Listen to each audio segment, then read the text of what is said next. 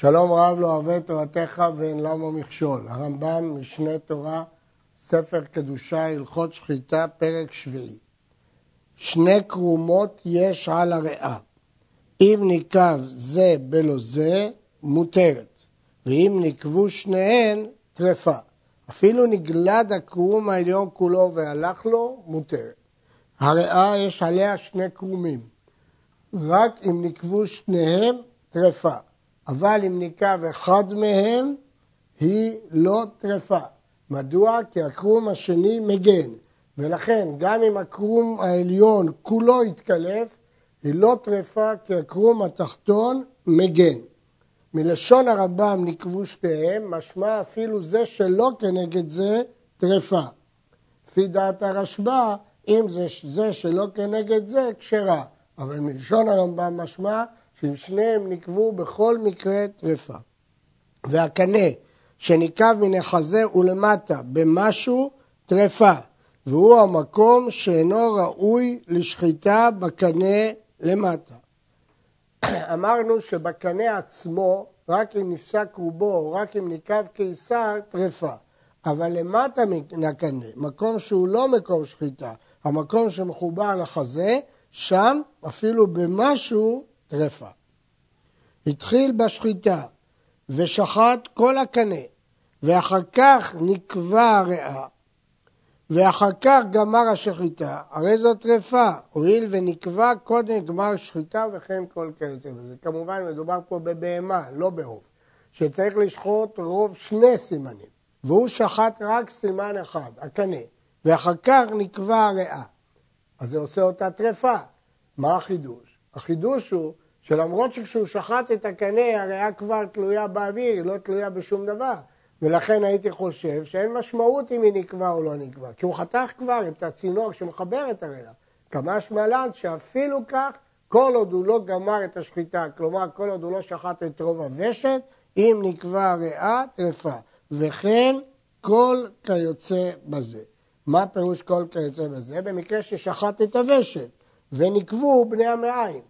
אז למרות שבני מעיים תלויים בוושת, אז לכאורה מה המשמעות שהם נקבו? אותו דבר.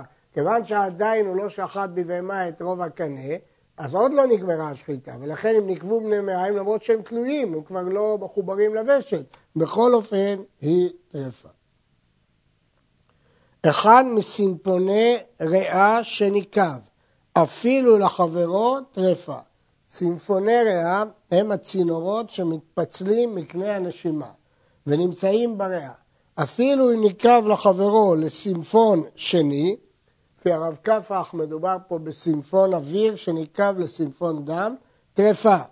ואין אומרים, אנחנו לא אומרים שהסימפון סותם את נקב חברו, למרות שהוא צמוד אליו, משום שדופן הסימפון קשה ואינה ממלאה היטב את הנקב. מהלשון אפילו ברמב"ם משמע שאם הוא ניקב לבשר בוודאי טרפה, אבל זה לא ייתכן, כי בגמרא מפורש שבמקרה זה כשרה. אלא הכוונה ברמב"ם לא רק שהסימפון ניקב לבד שהוא טרפה, אלא אפילו שחברו מגן עליו, גם כן היא טרפה. וראה שנקבע, ועלה קרום במכה ונסתם הנקב, אינו כלום. ראינו שיש מקרים שהקרום סותם נקב, אבל בריאה הקרום לא סותם נקב. מדוע? כי הריאה כל הזמן מתנפחת ומתכווצת בנשימה, ולכן היא נעה ומתנודדת, ולא יכול הקרום לסתום את הנקב. נקבע האום של הריאה, אף על פי שדופן סותמתה, טרפה. ואם נקבה במקום חיתוך האונות שלה, והוא המקום שרובצת עליו, כשרה. האונות הם שלושת חלקי הריאה בצד ימין ושני חלקיה בצד שמאל. האום הוא החלק הגדול שבתחתית כל צד. האונות הן נמצאות בחלק העליון הקדמי של בית החזה שהוא מקום צר והן דחוקות בין הצלעות. לכן, אם הם נקבו, הדפנות סותמות את הנקב.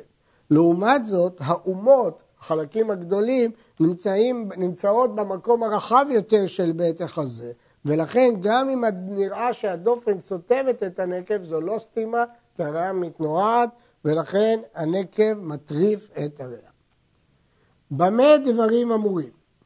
אמרנו שאם הריאה נקבע במקום חיתוך האונות, לא באום, אלא באונות שצמודות לצלעות, אז היא כשרה, כשסתם מקום הנקב שבאונות, בשר. אבל אם נסמך הנקב לעצם, אינו מגן. ואם היה הנקב האונות דבוק בעצם ובבשר, מותרת. כדי לסתום את הנקב שבאונה צריך שלושה דברים. א', שיהיה דבוק. ב', שיהיה דבוק גם לעצם וגם לבשר. אבל אם הוא נקוב לעצם בלבד, העצם בלבד לא יכול לסתום. הצלע או הקשה זה עתיד להתפרק ממנו וזה לא חיבור. אבל אני מדגיש, מדובר פה על נקב ממשי, לא מדובר פה על סרחה. סרחה זה חתיכה שנדבקת שעשויה להעיד על הנקב. שם זה מקרה אחר, יש כאלה שפוסלים אפילו מחובר לעצם ובבשר, ויש שמתירים אפילו נסמך לעצם עצמו.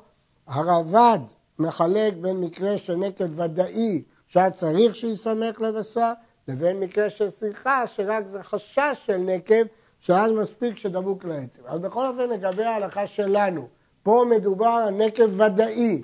בנקב ודאי הרמב"ם דורש שבנקב ודאי זה יהיה דבוק גם לבשר וגם לעצם. אבל אם הוא דבוק לעצם לבד, זה לא מספיק. האום של הריאה, דהיינו החלקים המרחבים שלה, המרכזיים של הריאה, שנמצאת סמוך לדופן, אמרנו שהדופן לא סותם אותה. בין שאלת צמחים, בין שלא העלת צמחים, חוששים לה שמא נקבע.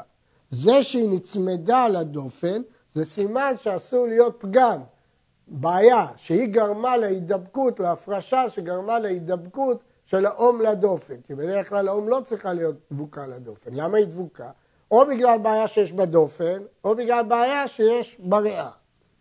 בין שאלת צמחים, דהיינו שלפוחיות שמפרישות מוגלה, שהן גורמות לסרחה, ובין שלא אילת, אפילו שלא עלו הצמחים האלה של המוגלות, חוששים להשם הנקבע.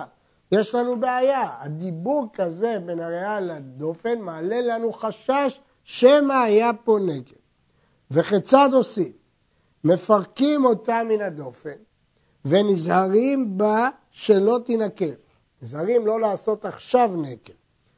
אם נמצאת נקובה, אם מצאנו שהריאה נקובה ונמצא בדופן מכה במקום הנקב, תולים במכה.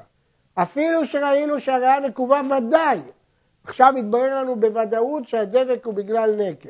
אבל ראינו שבעצם יש במקום הנקב בדופן, יש מכה. אז ברור אם כן ששם הבעיה, הבעיה בדופן.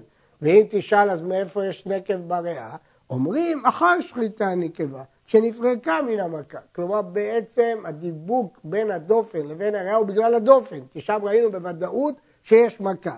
והנקב קרה אחר כך. ואם אין מכה בדופן, בידוע שנקב זה בריאה היה קודם שחיטה וטרפה. אם אחרי שהפרדנו גילינו שהדופן חלקה, אין בה שום מכה, אז למה הריאה נדבקה לדופן? כנראה שהבעיה היא בריאה והיה בנקב. אם כן נשים לב שמדברי הרמב"ם, זה טרפה שמצאנו אה, נקב ואין מכה בדופן. מה הדין? אם אין נקב, או אם יש נקב, אך יש מכה בדופן, כשרה. הרמב"ם לא מפרש אם במקרה זה צריך בדיקה. לעומת זאת, בפרק י"א הלכה ה' הוא כתב שריאה שעלו בצמחים, וכן כשיש סרחות דבוקות מהרעה לדופן, שצריכה בדיקה, ולכן יש דיונים רבים על הרמב"ם הזה ביחס לרמב"ם כפי שמופיע שם, האם צריך בדיקה או לא צריך בדיקה. בכל אופן הרמב"ם פה לא הזכיר בדיקה. הראב"ד חולק וסובר שיש לחוש לטרפה ולכן רק אם מצאנו בפירוש מכה בדופן, רק אם אין נקב בריאה, אז תולים את זה בדופן. אבל כשיש נקב ודאי בריאה, אי אפשר לתלות בדופן. אבל יש להזכיר שהרמב"ם הזכיר בפירוש שהנקב תואם, כלומר, אני אקרא את הלשון בפנים, הנקב נמצא בדופן מכה במקום הנקב, בדיוק מול הנקב מצאנו את המכה, לכן תולים במכה. הלכה ו' הריאה שנמצא בה מקום אטום כלשהו, שאין הרוח נכנס בו ואינו נטפח, חלק מהריאה אטום, הוא לא קולט את הרוח, הרי זו קנקובה וטרפה. סתימה, אטומה, זה כמו נקבה. הרשב"א מביא טעם אחר, שהסיבה שהיא טרפה כי היא לא תוכל להנשיב רוח אל הלב. בכל מקרה, אטומה טרפה. וכיצד בודקים אותה אם היא באמת אטומה והרוח לא נכנסת בה? קורעים המקום שלא נטפח בשעת נפיחה. אם ניפחנו את הריאה וחלק מן המקום הוא אטום, אז יש לנו חשד שהוא אטום והאוויר לא נכנס בו. מה עושים? קורעים אותו בסכין. אם נמצאת בו לך, מותרת, שמחמת הלכה לא נכנסה שם הרוח. ואם לא נמצאת בו לך, נותנים עליו מעט רוק או תבן או כנף וכיוצא בהם ונופחים אותה, אם נתנדנד, כשרה, כעובדה שהאוויר נכנס. ואם לאו, טרפה שאין הרוח נכנסת שם. כלומר, אם היינו יודעים בוודאות שהמקום האטום, האוויר לא נכנס לתוכו, היא טרפה בוודאות.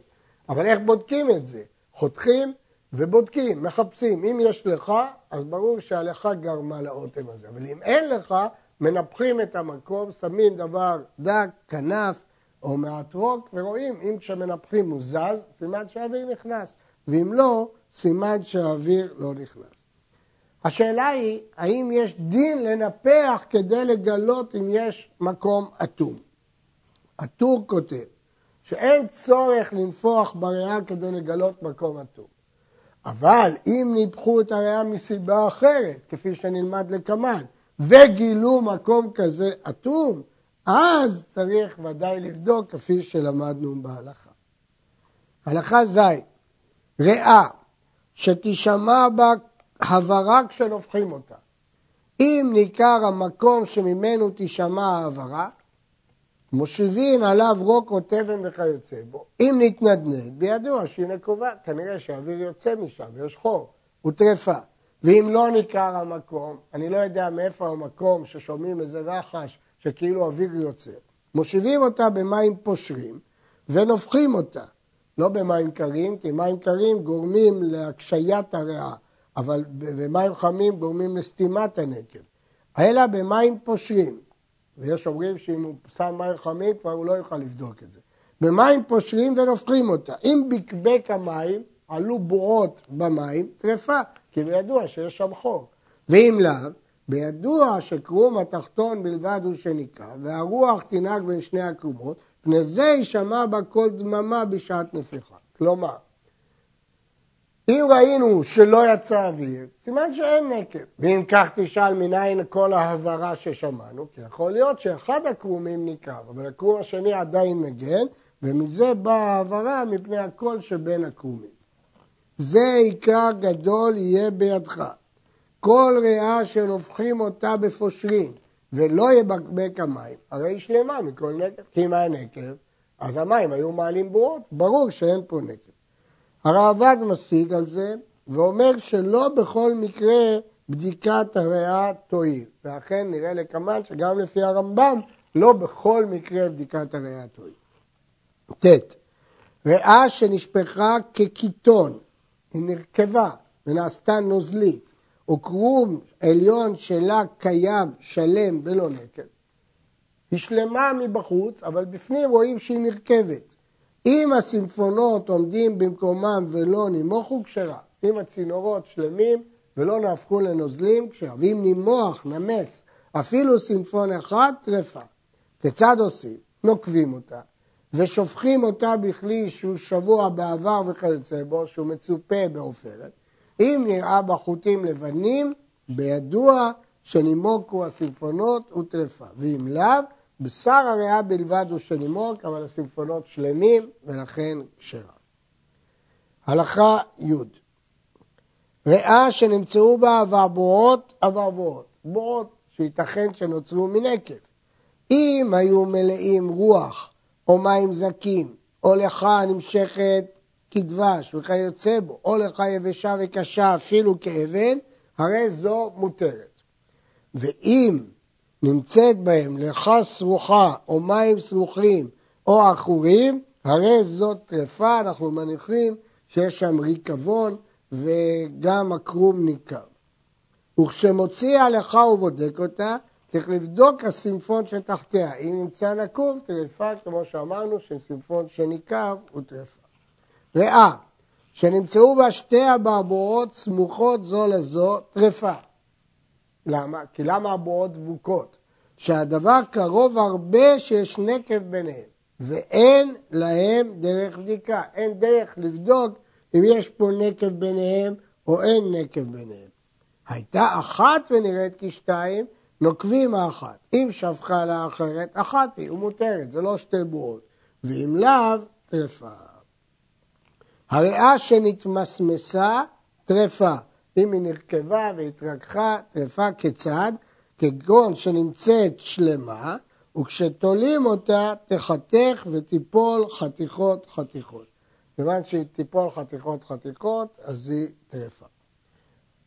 ריאה שנמצאת נקובה, מצאנו חור, אבל איפה מצאנו את הנקב? במקום שיד הטבח ממשמשת בו, בדיוק במקום שהקצב הוציא את הריאה. מותרת, ותולים בידו, ואומרים מיד הטבח נקבע אחר השחיטה. יש לנו במה לתלות, כי יש סברה חזקה שסוג הנקב הזה, או הצבע של הנקב הזה, זה נקב במקום שהטבח מפשיט את הבהמה, ולכן תולים בו.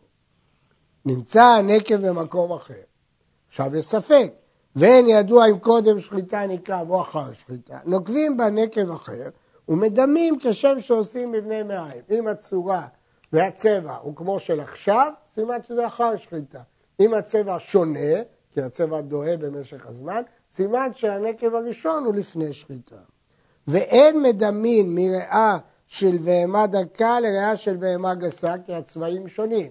אלא מדקה לדקה. צריך לדמות מראה, מבהמה דקה לבהמה דקה שהריאות דומות, ומגסה לגסה. נמצא הנקב באחת מן האברבורות, הרי זאת טרפה. ואין אומרים ניקוב אברבור אחר ונהרוג, שאין הדבר ניכר.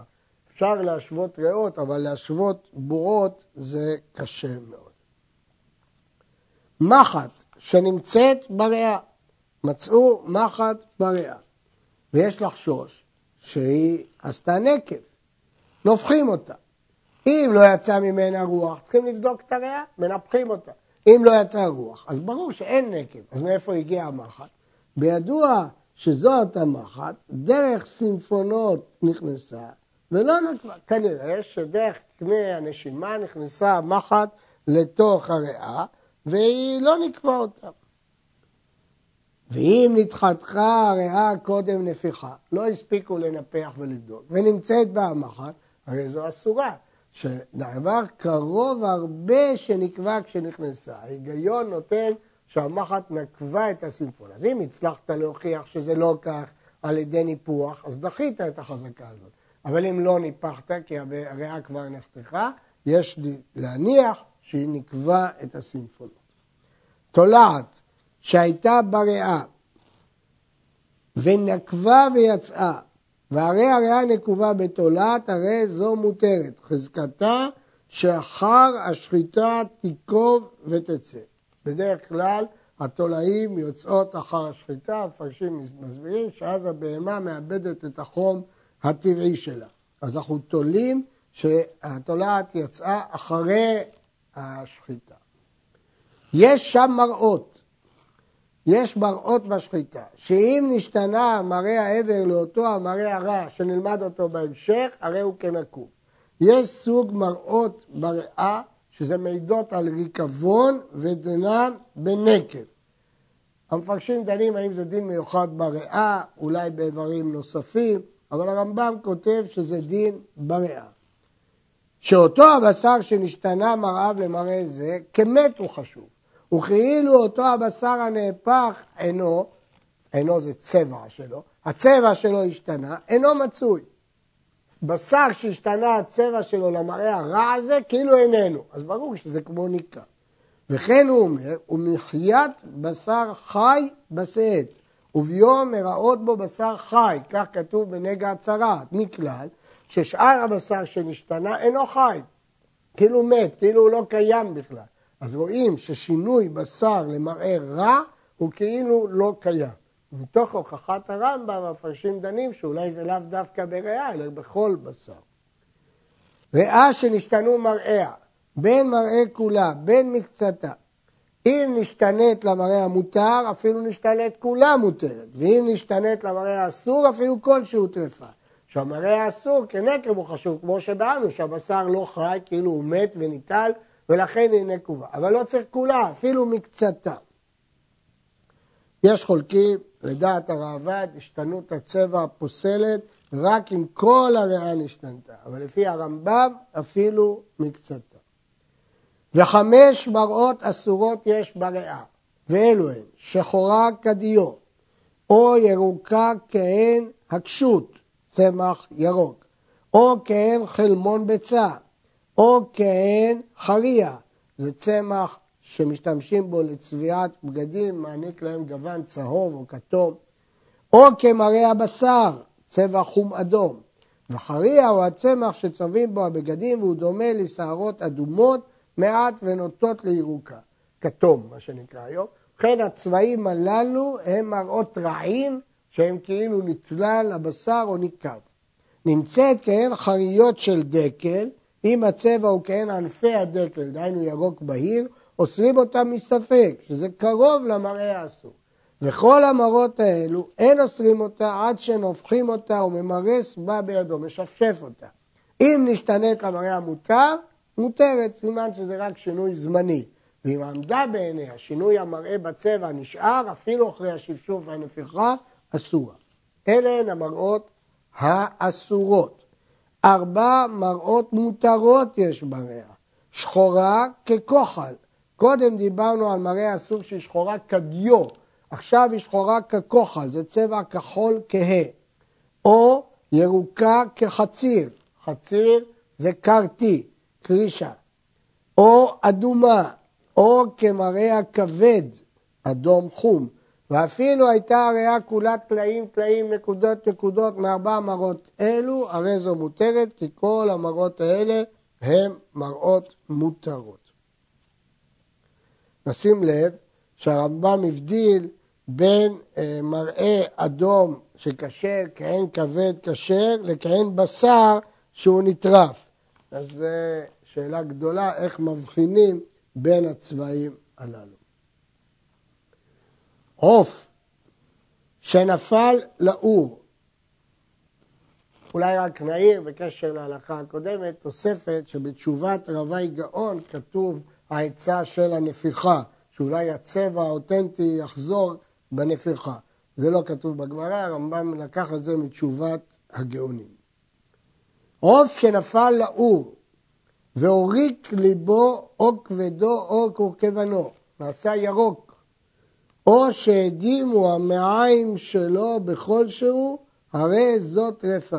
שכל הירוקים שהדימו והאדומים שהוריקו מחמת האור בעוף, הרי זה כמי שנתנו.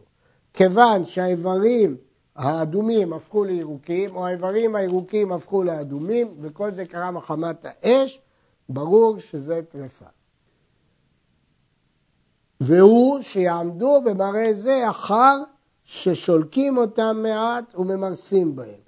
אחרי ששולקים אותם במים, מרתיחים אותם במים וקצת משפשפים אותם, אם נשאר הצבעים, נשארו הצבעים הרעים האלה, היא טרפה. כל עוף שנמצאת כבד שלו כמראה בני מאב, או שנשתנו שאר בני מאב ועמדו בשינוים אחר שליקה ומריסה כמו שביארנו, בידוע שנפל לאור ונחמרו בני מאב וטרפה. לא צריך שנדע שהוא נפל לאור.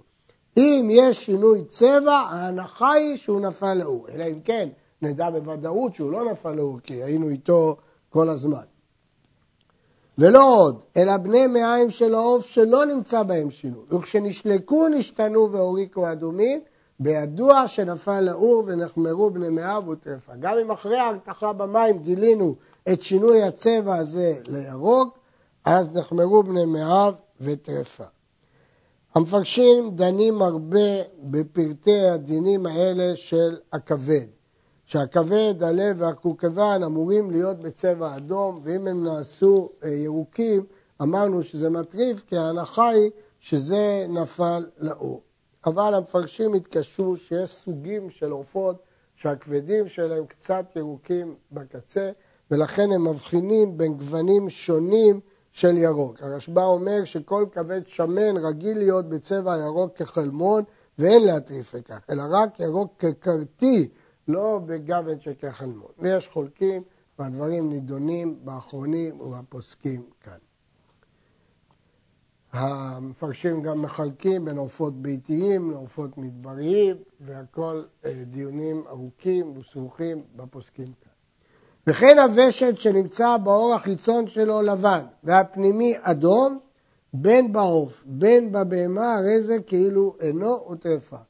התהפכו הגוונים, בדרך כלל האור החיצון אדום והפנימי לבן, וכאן זה התהפך מהגוון הטבעי, הרי זה כאילו אינו וטרפה. מעניין שכאן הרמב"ם לא אומר בגלל שיש הנחה שהוא נפל לאור, אלא עצם שינוי המראה עושה אותו טרפה. עד כאן.